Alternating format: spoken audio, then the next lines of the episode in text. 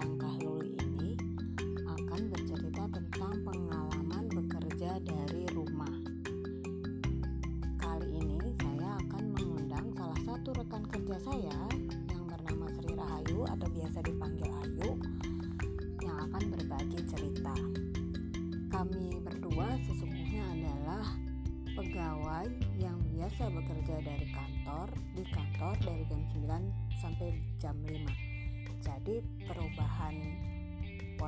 bekerja ini tentu punya cerita uh, dari masing-masing kami.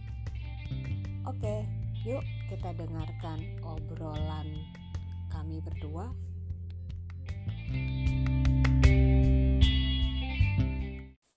Dah. Oke, halo Ayu, apa kabar? Halo Mbak Yuli, baik, aku baik banget. Terima kasih loh Mbak udah diundang. Alhamdulillah. Eh, iya.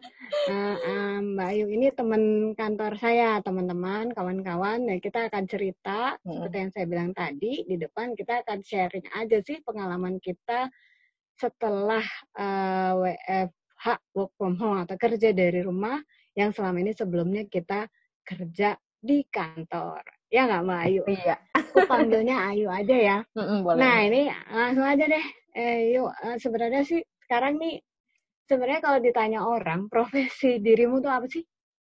Hmm. Kalau ada yang nanya gitu, kalau orang yang kenal dirimu ngakunya apa? ngakunya apa? Sebenarnya ngakunya suka beda-beda sih mbak. Kadang terlebih kalau misalkan naik ojol atau nggak naik grab car gitu, kalau ditanya kerja di mana tuh suka macem-macem. Jadi setiap hari suka berbeda profesi. Itu enaknya. Oke. Okay. Oke. Okay. Atau bertemu orang yang berbeda bertemu juga orang sih yang ya. Berbeda setiap hari. Hmm. Gitu. Tapi kalau yeah. misalkan kayak di pertemuan atau apa sih, uh, aku sih lebih sering me memperkenalkan diri sebagai uh, pendidik aja. Nah, oke. Okay. Hmm, pendidik ya, gitu. edukator pendidik ya. Aja, edukator. Mm -hmm. hmm, oke, okay. ya. Yeah.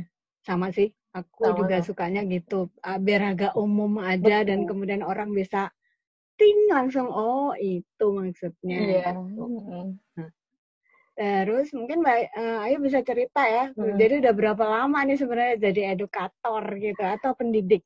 Jadi jadi sebenarnya jadi kayak jadi educator tuh udah sekitar berapa dari 2014 tapi 2014 kan mulai masuk pertama kerja terus uh, training training dulu terus pokoknya nambah ilmu sebanyak banyaknya gitu. Jadi mulai mulai belajar berproses menjadi educator tuh sekitar tiga tahun tiga tahun terakhir mbak. Tiga tahun empat tahun lah. Tiga tahun sampai empat tahun terakhir. Tapi kalau uh, kerja sih udah mulai sekitar udah mau menuju enam tahun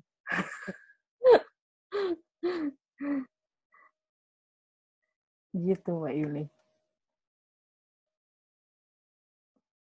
Kita balik lagi ya. Nah, tadi teman-teman hmm, Ayu uh, consider sebagai menganggap dirinya mengang, menghitung sebagai itu tiga tahun terakhir ya sebagai mm -hmm. pendidikan. Mm -hmm. Nah, selama pendidikan nah kita mulai deh ngomongin soal ininya nih work from home sama mm-hmm. work from office-nya. Mm-hmm. Selama menjadi pendidikan itu uh, biasanya kerjanya uh, kantor aja atau bekerja di kantor atau bekerja dari rumah?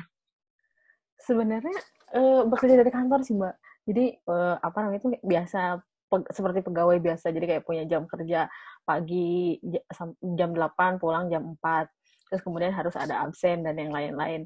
Uh, meskipun sebenarnya dalam konteks uh, substansi pekerjaan gitu ya sebetulnya pekerjaan-pekerjaan sebagai edukator tuh uh, terlebih bukan bukan apa namanya itu bukan uh, bukan sebagai guru yang mempunyai siswa yang tetap gitu ya jadi uh, apa namanya hmm. sebenarnya itu bisa yeah. dilakukan bukan uh, apa tidak harus di kantor sebetulnya begitu tapi memang uh, apa namanya tuh sampai saat ini sih uh, selalu Lebih bekerja dari ya? kantor betul uh, dan mulai mulai kerja dari rumah dengan kondisi pandemi kayak gini sudah semenjak tanggal 16 Maret.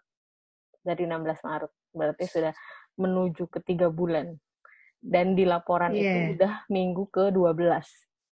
Oke. okay, Karena kan kita membuat laporan laporan-laporan uh, WFH setiap yeah. minggu gitu. Jadi pas kemarin hari Jumat baru ya, kirim kemarin hari Jumat baru kirim tuh itu udah ke minggu ke-12 gitu Mbak Yuli. udah selama Berasa nggak sih? Berasa nggak sih? Berasa Ih, udah banget. 12 minggu. Berasa banget sih sebetulnya karena pas uh, gini Mbak Yuli, kalau pas pertama pertama work from home itu seminggu sampai dua ya sampai minggu ketiga tuh masih semangat, masih masih masih uh, masih excited excited dengan uh, kerja dari rumah gitu. Karena ini kan pengalaman pertama yang sebenarnya dari dulu tuh udah udah udah udah apa namanya itu udah pengen apalagi teman-teman teman kita tuh ada kan yang selalu mewacanakan uh, apa namanya itu smart office kemudian uh, hmm. dengan dengan segala yeah. ke uh, uh, segala kayak gitu. Jadi emang excited banget. Jadi pas minggu-minggu awal WFH tuh masih yang lebih bersemangat gitu. Jadi jam 7 lebih uh, bang jam 7 udah siap terus peregangan dulu olahraga dulu segala macam segala macam gitu. Tapi udah udah menjelang bulan pertama tuh menuju ke bulan kedua tuh itu udah yang aduh kok lama banget lama banget. Gitu kayak gitu mbak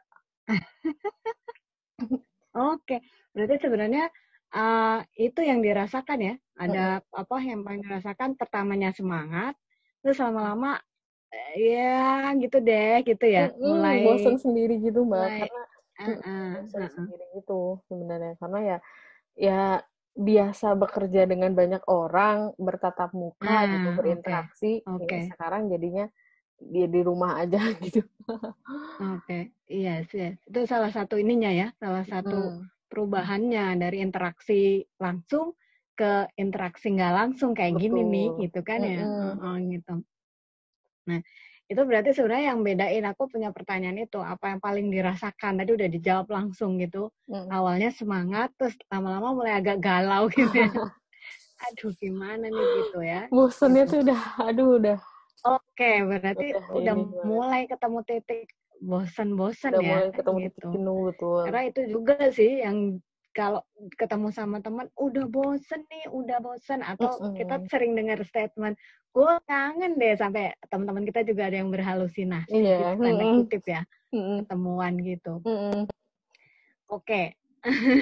Sebenarnya yang bikin nah, kangen tuh itu uh, ya, yang paling membedakan sih selama ini ya, yang paling membedakan dari WFO dan WFA selain tempat. Kalau dari nama sih udah pasti beda ya hmm. work from office sama work from home itu ya pasti beda oh satu office satu home hmm. tapi di luar itu yang membedakan banget apa yang membedakan banget sebetulnya kalau misalkan dilihat dari uh, apa ya produktivitas gitu kayaknya tuh uh, lebih lebih lebih produktif dan lebih banyak uh, bisa melakukan banyak hal tuh di WFH sebetulnya mbak karena uh, mungkin kalau di WFO itu mm. uh, apa ya uh, uh, malah kalau di WFO di WFO itu jadi lebih banyak berinteraksi dengan orang kan jadinya tuh kayak datang nyampe terus uh, cari sarapan yeah. gitu kan terus uh, abis uh, abis cari sarapan sarapan bareng dengan ditambah ngobrol-ngobrol segala macem uh, ngomongin apa yang terjadi semalam misalnya mm. atau enggak bahkan mimpi juga diomongin bareng mm. sama teman-teman gitu terus ya balik mm. ke meja itu jam setengah sepuluh atau jam sembilan setengah sepuluh gitu dan efektif efektif bener kerja tuh jam sepuluh gitu jam sepuluh tuh udah udah efektif okay. udah udah mulai efektif gitu terus kan sedangkan kalau misalkan di WFH itu jam delapan tuh udah siap di depan laptop mbak gitu jadi selama WFH yeah. itu memang kayak aku tuh udah okay. pokoknya laptop tuh nyala di jam kerja gitu jam 8 sampai jam 4 tuh emang laptop harus nyala terus jam 8 tuh emang hmm. harus hmm. apa udah stay di depan laptop dan karena uh, laporannya itu harian kan jadi kayak kadang nyari-nyari pekerjaan gitu mbak jadi kayak ini laporannya cuma yeah. ngapain lagi nih oh, gitu. Kita hari ini laporannya apa ya? iya gitu. Jadi kayak gitu. Masa cuma dua dua dua kotak doang yang diisi gitu.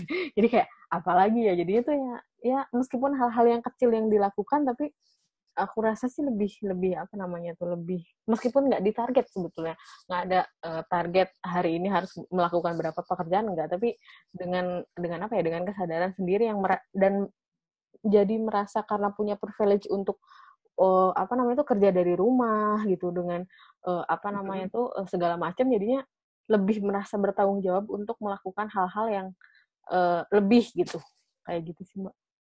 Hmm, oke. Okay soal tanggung jawab ya lebih hmm. itu jadi, uh, jadi menghargai hal-hal kecil nggak sih bahwa Betul, sebenarnya betul. misalnya Mm-mm. misalnya ngobrol sama rekan kerja itu itu pekerjaan loh gitu dia Mm-mm. harusnya bisa dihitung gitu nggak sih mm-mm, mm-mm. betul betul betul Hmm. banget mbak Yuli soalnya aku sendiri merasa kalau cuma nanya aja di grup ini ya misalnya di grup uh, kerjaan kita gitu Hmm. nanya "Ah, ini itu bagiku itu ku tuh sudah sedang bekerja, udah bekerja loh yes gitu Mm-mm. Heeh, gitu. Iya ya ngerasa Mm, gitu ya. betul. Heeh, kayak gitu. Jadi kadang-kadang eh, lebih menghitung hal-hal kecil sebagai sebuah kontribusi sebenarnya Yes, walaupun nggak betul. kelihatan gitu betul ya. Heeh, betul iya iya. betul. Sama berarti ya karena Mm, sama Hmm. banget. Jadi aku tuh yang kayak misalkan eh, kalau kalau misalkan kita bekerja di kantor gitu melakukan hal kecil tuh nggak dianggap pekerjaan. Kayak misalkan menyebarkan undangan tuh nggak nggak nggak mm-mm, kita tidak menghargai tidak mengapresiasi diri kita telah melakukan suatu pekerjaan gitu dengan menyebarkan undangan rapat misalkan.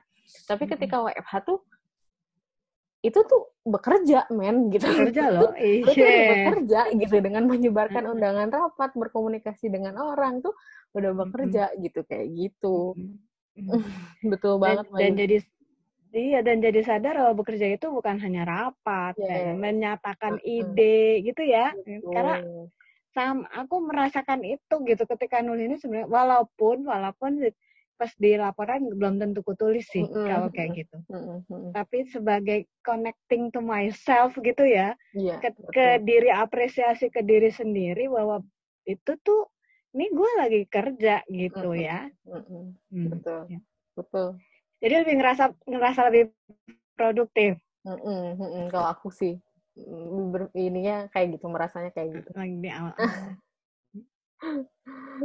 iya iya sih. Iya untuk awal-awal. Ya kurang lebih aku sama dan eh, kalau soal ya itu tadi itu soal produktivitas ya. Berarti diri em, dirimu merasa ya gue mendingan gini deh kayaknya lebih produktif. Karena tadi ya jam Hmm. Betul. 8 udah Udah stay. Nggak nggak melakukan apa-apa yang tadi eh, beli sarapan dulu kayak banyak gitu-gitu ya. gimmicknya itu kan memang nggak- banyak gimmick mbak kalau di kantor. Belum kan iya dan Mm-mm, belum kalau Hmm. misalkan kalau misalkan habis beli sarapan gitu ya misalkan nyampe kantor tuh jam setengah delapan misalkan terus beli sarapan Mm-mm. di sarapan tuh misalkan di lobby tuh ketemu resepsionis gitu kan kan atau ketemu Hmm. orang bagian lain ngobrol dulu gimmick dulu Hmm. nyanyi dulu gitu terus nyampe ke ruangan jam 9 di 9 sebelum masuk meja tuh ngelewatin meja orang dulu tuh ngobrol lagi terus eh, apa namanya itu oh segala macam segala macam terus belum sarapan bareng kayak gitu gitu sih Mbak.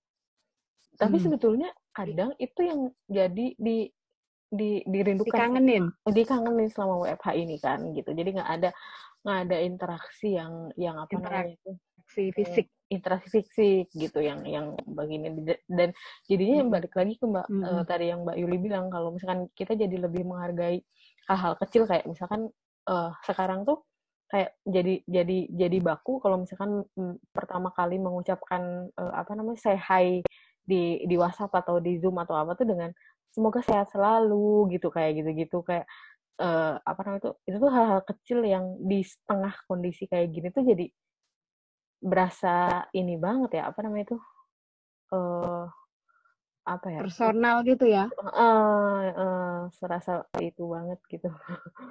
Aku sih ngerasanya kayak gitu. Jadi kalau misalkan ada orang yang WhatsApp Iya, dengan diawali dengan eh, apa namanya tuh. Mendoakan Iya sih. kesehatan segala macam tuh jadi lebih ini gitu. padahal kan kalau misalkan kita WFH tuh mana ada kita setiap hari ketemu bukan mana ada sih misalnya jarang sekali menemukan kalau misalkan ketemu di kantor gitu kamu sehat-sehat ya gitu jarang gitu kalau WFH sekarang dengan kondisi yang kayak gini justru kayak hmm, lebih Ah, ah. Ah, ah. iya iya kayak itu ke itu kedengeran klise ya kalau on daily basis gitu kalau fisik eh sehat-sehat ya. Itu klise banget ya. Iya. Tapi ketika work from home ini itu jadi sebuah sapaan hangat gitu ya. Mm-mm, sapaan yang lebih touchy lebih lebih um, terasa Nyentuh gitu ya. secara personal gitu ya. Iya betul. Yes yes yes, yes. oke yes itu perubahan yang terjadi ya. Beda. Mm-mm. Kalau soal um, apa appearance ya kalau aku sih melihatnya uh, nggak perlu kalau kalau kantor kan harus dandan, rap bukan dandan sih, harus pakai baju ini, pakai jilbab ini, pakai karena kita pakai jilbab, jadi kita pakai baju ini, jilbab ini mix, mix and match walaupun kadang-kadang nggak apa-apa ah tabrak aja, tapi itu jadi it's another issue sebenarnya kalau ini enggak gitu nggak sih? Iya, itu itu dia nggak eh, semangatnya itu memang kayak di minggu-minggu awal aja gitu mbak. Jadi kayak ya tiga dua sampai tiga minggu awal WFH tuh masih jam setengah delapan harus sudah mandi, terus pakai baju yang rapi, pakai lipstick gitu ya, pakai lipstick, mm. terus uh, mm. apa namanya tuh pakai wewangian biar wangi gitu kayak gitu. Pas awal-awal tuh memang memang memang menerapkan kayak gitu dan memang jadi berasa ya kayak berasa ke kantor aja gitu. Tapi pas makin ke sini makin ke sini, oh ternyata pekerjaan bisa dilakukan kok tanpa harus mandi dulu misalnya. Yeah. Jadi kayak gitu. Tanpa harus dress up tanpa gitu harus, ya. ya. Tanpa harus touch up, tanpa harus segala macam kecuali kecuali uh, tapi ini yang jadi jadi apa namanya itu jadi jadi uh, jadi pegangan kalau misalkan uh, meeting kemudian bertemu orang dengan dengan apa namanya itu uh, video conference atau apa itu sih um, pasti uh, apa namanya siap-siap ya. Siap-siap gitu. Mm -hmm. Ya, ya, ya. Jadi membedakan ya yang mana ini. Uh, aku sendiri juga kadang-kadang, oh ini sama hanya ketemu sama tim ini, nggak apa-apa ah, nggak usah uh, rapi-rapi, mm-hmm. ini aja gitu. Ber, uh, jilbabnya yang ini aja, jilbab daily. Kalau mm-hmm. lagi meeting sama yang lain-lain, pakai agak proper gitu ya, uh, ininya. Ya, ya, ya, ya, sama berarti gitu ya. Ada perubahan Betul. pola uh, berpakaian juga dalam bekerja gitu ya. Ini.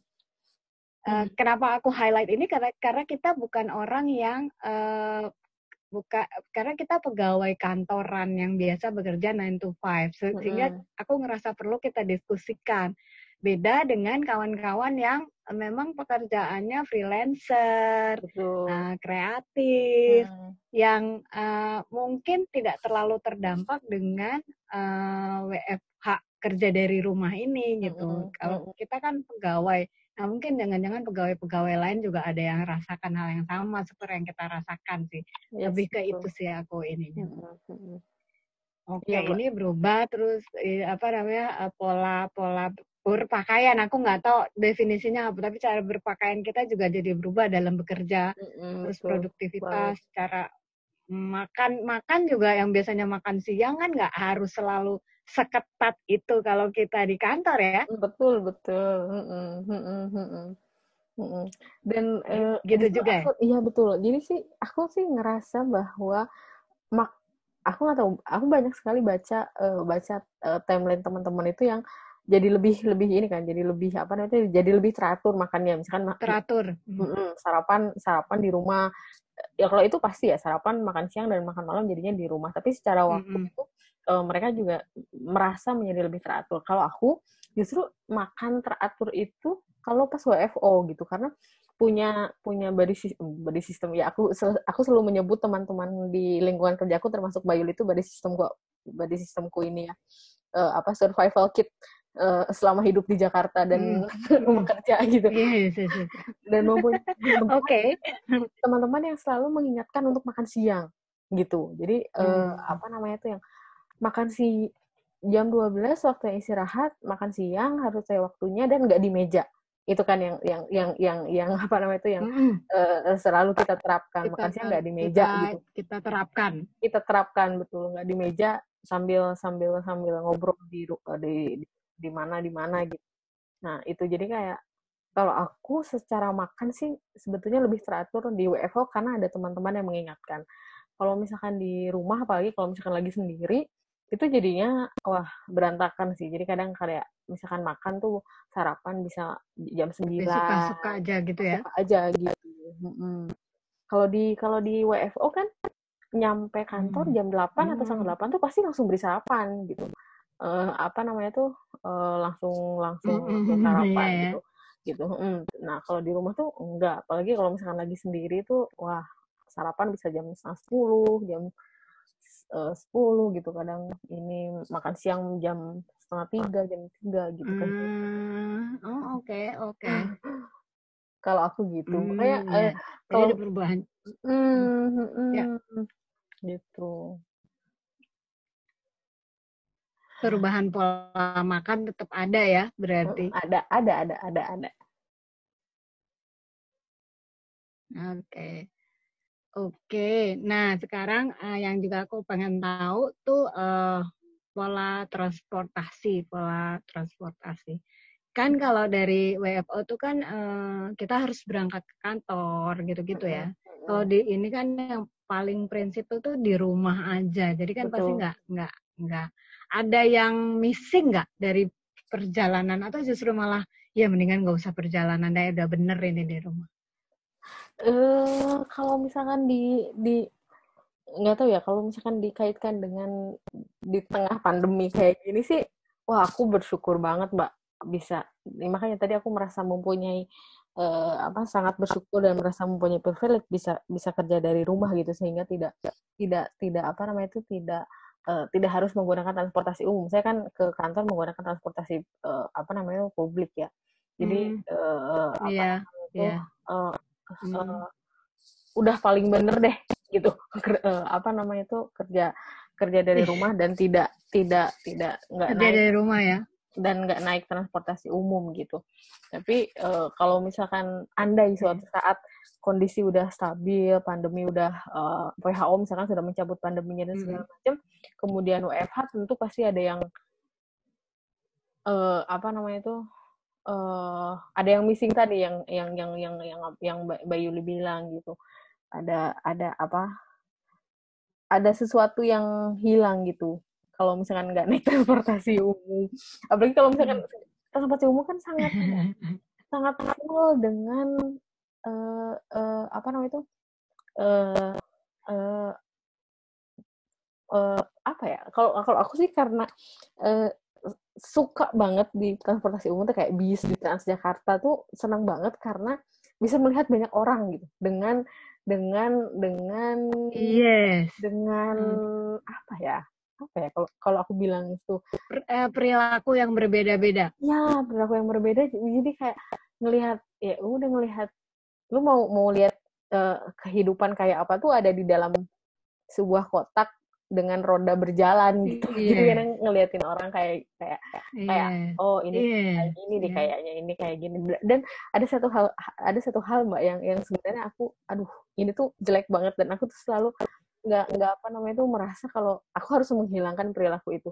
Aku tuh seneng banget ngeliatin handphone orang mbak. Jadi kalau misalkan di Transjakarta aku berdiri terus Ya ada ampun. ada kelihatan. kelihatan mbak. Itu tuh kelihatan. Jadi kayak misalkan di bawahku tuh misalkan mbak mbak lagi megang handphone gitu kalau aku berdiri di atasnya tuh pasti kelihatan gitu. Dan aku tuh senang melihat percakapan-percakapan orang gitu Itu itu real stalking itu namanya. Yes. Oh my god, enggak.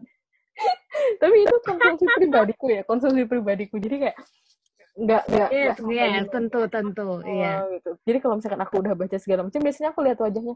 Oh, jadi yang yang apa namanya tuh yang yang apa namanya macam orang yang chatnya begini tuh looknya kayak gini gitu kayak gitu gitu. Nah gitu dan dan itu menarik banget sebetulnya gitu kayak gitu. Jadi itu sih yang yang Oke. yang benar-benar merasa eh, kehilangan dengan WFH ini ya menikmati perjalanan di transportasi umum gitu. Yes. Yes. Kebayang sih karena aku kan juga di, salah satu ininya adalah senang sekali ya WFH ini karena nggak harus naik kendaraan umum yang aku bisa 2-3 jam PP Mm-mm, atau 4 jam. Aduh, enak banget. Tapi di sisi lain, makanya aku bilang ini nih connecting to myself ya, karena di sisi lain di perjalanan itulah sebenarnya aku belajar soal hidup, Yes. belajar menemukan dan menyembuhkan kan bisa ya, sering bukan bisa. Seringkali di kantor itu banyak hal-hal yang menyebalkan terjadi yang itu. Begitu di jalan melihat orang-orang dengan keragaman perilaku Betul. dan tingkah laku, Mm. mengurai itu yang tadi di ke- kekesalan di kantor atau ke apa di kantor, kepusingan di kantor, terus mikirin orang, oh orang ini begini, begini, begini. Jadi ketika sampai rumah itu lepas, Betul. gitu. betul, Iya sih. Jadi betul. maksudnya apa itu mungkin yang orang sering bilang apa tuh life uh, life teach you a lesson karena nah, di jalan kan orang mm, mm, hidup itu mengajarkanmu pelajaran gitu. Mm, Kalau kita mau pelajari ya, kan kita orang yang memperhatikan ya seru juga sih walaupun mm, ya kadang-kadang ya udah bukan kadang-kadang itu pasti melelahkan. Melelahkan. Tapi betul. itu juga menyembuhkan. Betul, betul, betul. Iya sih, uh, seru juga ya. Kalau aku mau memperhatikan sih orang, tapi tidak sampai ngelihat stalking in the real ini ya, walaupun itu lucu juga. Uh, itu tuh aku, apa habit? Hobi banget mbak, aku hobi banget, hobi banget itu ngelihat ngebacain, ngebacain atau atau enggak kayak misalkan aku jadi jadi jadi punya perspektif lain gitu dengan kan kalau misalkan aku megang aku bukan orang yang uh, apa namanya tuh uh, terus-terusan misalkan megang handphone segala macam nah kalau misalkan itu kan aku jadi menemukan yes. habit-habit yang berbeda gitu yang oh ternyata emang ada orang yang habis bikin status WhatsApp terus setiap dua menit sekali tiga menit sekali itu dia lihat status WhatsAppnya terus diliatin siapa yang ngelihat siapa yang sudah ngelihat statusnya gitu terus dia ini lagi uh, buka lagi misalkan Facebook atau Twitter atau apa terus nanti balik lagi ke WhatsApp lihat statusnya dia udah dilihat siapa aja kayak gitu gitu kan itu bukan hal yang biasa aku hmm. kerjakan gitu kayak gitu. Ini oh ada ya orang kayak gini gitu. Jadi seru terus ya melihat oh, melihat, per, melihat percakapan per, jadi seru mau baca percakapan orang gitu di WhatsApp. Oh ini lagi chat sama mamahnya. Oh ini lagi chat sama anaknya. Banyak banget banyak banget yang yang udah aku baca ya ampun. Segala macam mbak. Mulai dari ada yang jadi ah, segala macam. Seru. Itu sih yang yang yang paling dirindukan naik transportasi publik itu. Kayaknya mbak. Hmm iya iya iya ya. oke seru juga aku termasuk orang yang uh, WhatsApp-nya gede-gede kan tulisannya. Mm -hmm. Jadi kalau ada sebelahku ngelirik itu aku kira mm. lo pasti baca WhatsApp gue gitu. Tapi terus ya biarin aja, nggak ada yang pribadi. Terus apa? Apalagi kalau WhatsApp sama temen terus kasih emoticon emoticon kan. Mm -hmm. Jadi pasti orang sebelahku kan udah gitu, uh, misalnya akunya cool, diem aja, tapi emoticonnya kan hahaha hahaha mm -hmm. guling-guling apa mm -hmm. gitu hmm. ah biarin aja oh ya ternyata ada orang seperti dirimu yang memang memperhatikan itu ya ada mbak dan yang paling menyenangkan adalah ketika bertemu dengan orang seperti Mbak Yuli yang yang masa bodoh uh, apa namanya itu yang cuek aja gitu WhatsAppnya uh, apa namanya itu WhatsApp dibaca. terbuka atau uh, dibaca gitu terus fontnya besar ditambah brightnessnya cerah banget wah itu surga banget itu bisa jelas banget baca Aduh, maafkan aku. Oh, aku jadi curiga. Jangan-jangan ada juga orang seperti dirimu. Terus kalau aku turun aku dilihat ini kok lain banget antara antara WhatsAppnya dengan tampilannya. Lucu juga. Semoga nggak ada sih. Semoga nggak ada sih. Semoga nggak ada. Ini aku aku aku pernah hmm. ceritain ke orang? Kayaknya enggak deh misalnya dengan kebiasaanku yang seneng melihat orang berinteraksi di HP-nya gitu. kayaknya enggak tapi nggak apa-apa kan itu ya itu tadi teach apa life teach us a lesson kita tuh hmm. sedang belajar sesungguhnya Betul. dengan orang-orang yang ada di sekitar kita hmm. dan hmm. itu uh, bagiku kita tidak sedang ignorance, kita justru sedang memperhatikan. Nah, itu jauh lebih baik ketimbang ignorance gitu. Eh. Sekali menengok apa yang terjadi di mm -hmm. sekitar kita. Mm -hmm. Itu juga. Ayo.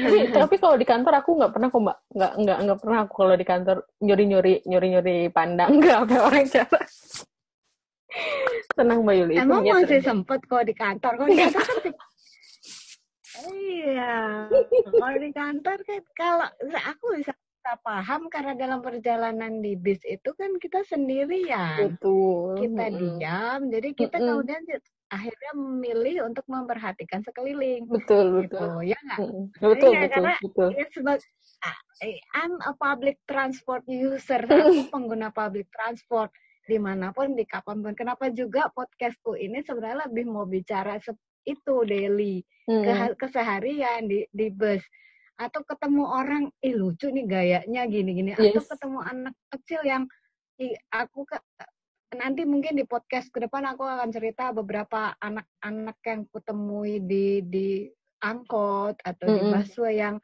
it- itu inspirasional gitu anak Mm-mm. kecil seumur itu naik kendaraan umum punya punya misi punya tujuan yang dia nggak sadar bahwa yang dia lakukan itu bagiku itu menginspirasi gitu. Ya Mm-mm, jadi mm-mm. itu di eh, pod- emang gitu yuk podcastnya podcast hari-hari aja tapi you know dari hari-hari kan kita juga bisa melihat banyak ya gitu. Ada ibu-ibu tua yang ya Allah ibu itu sudah tua masih aja bekerja gini-gini betul gitu kan? betul. Betul betul Gitu, betul Mm-mm, atau mm-mm. mm-mm, ya betul betul. gitu. Eh, da- dari hari-hari itu kita bisa belajar banyak kok. Mm-mm, Ih, betul kita banget. udah ngobrol 20 menit nggak sih kita ini? Iya kayaknya udah udah hampir 30 menit mbak. Seru-seruan. Tapi oke ntar kita ngobrol lagi kapan-kapan soal Siap. itu ya soal bis di Bis, bus atau di angkot di busway atau di apa hal-hal lucu hanya meng-highlight satu dua isu aja. Tadi kayak tadi ya WFO WFH kita kalau WFO interaksi langsung kalau WFH jadi ya pakai gawai lah ya interaksinya yang dibutuhkan terus kalau WFO banyak gimmicknya kalau WFH tetap itu bisa langsung ini kita lakukan. Terus eh, ya tadi kalau WFO kita harus siap-siap ada waktu ber ke kantornya, ada eh, persiapan pakaiannya, gitu-gitu. Kalau WFH itu juga ada, tapi Mm-mm. tidak se apa tidak seheboh kalau mau ke eh, WFO ya nggak Betul. gitu. Soal produktivitas soal produktivitas itu relatif banget ya. Kadang-kadang Iya. kita bisa sangat produktif ketika eh, WFO, tapi juga WFH kita bisa sangat produktif ketika eh, yang perjalanan sudah bisa di dipakai untuk Iya. kerja gitu, Mm-mm, perjalanan mm-mm. pergi dan pulang. Jadi memang ada keuntungan, ada kelebihannya ya Betul. WFO ini. Tuh. Nah, oke. Hmm, iya sih. Eh seneng banget eh, bisa ngobrol malam-malam eh gini. Ini Aku juga seneng banget. kan Saturday night ya. Saturday night kita. Eh, Betul. eh, thank you banget. Sama-sama Mbak Lili, terima Ayu kasih juga udah sharing cerita. Eh, aku belajar juga nanti ini eh, gimana memproses ini. Tapi terima kasih udah sharing. Mudah-mudahan nanti kalau ini kita eh, publish, eh, orang yang mendengar juga seneng gitu dan bisa mengambil manfaat dari apa apa yang kita obrolin ini. Yep. Kalaupun enggak ya buat ketawa-ketawa aja. Yes. Oke, Terima kasih, makasih ya, Lili. eh, Ayu ya. Nanti kapan-kapan kita ketemuan lagi, eh, Yap. ngobrol lagi, cari Siap. topik-topik yang se- keseharian yang seru yang kita bisa belajar dari situ. Tentu saja. Siap. Oke, makasih ya. Terima kasih Mbak. Selamat malam. Terima kasih Langkah Luli. Iya, sama-sama Mbak Ayu. Dah.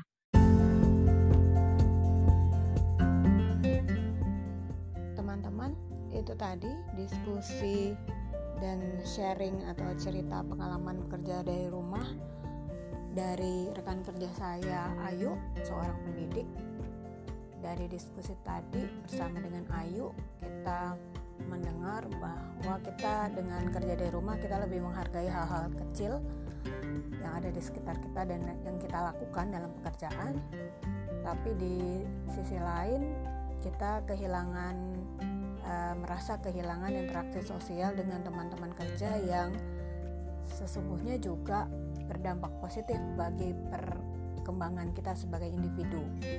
Hal lain juga bekerja dari rumah eh, membuat kita tidak harus naik eh, kendaraan umum ya, transportasi publik yang terkadang sangat melelahkan walaupun eh, dari dari transportasi publik juga kita bisa belajar hal-hal lain tentang kehidupan sesam, dari sesama pengguna transportasi publik itu.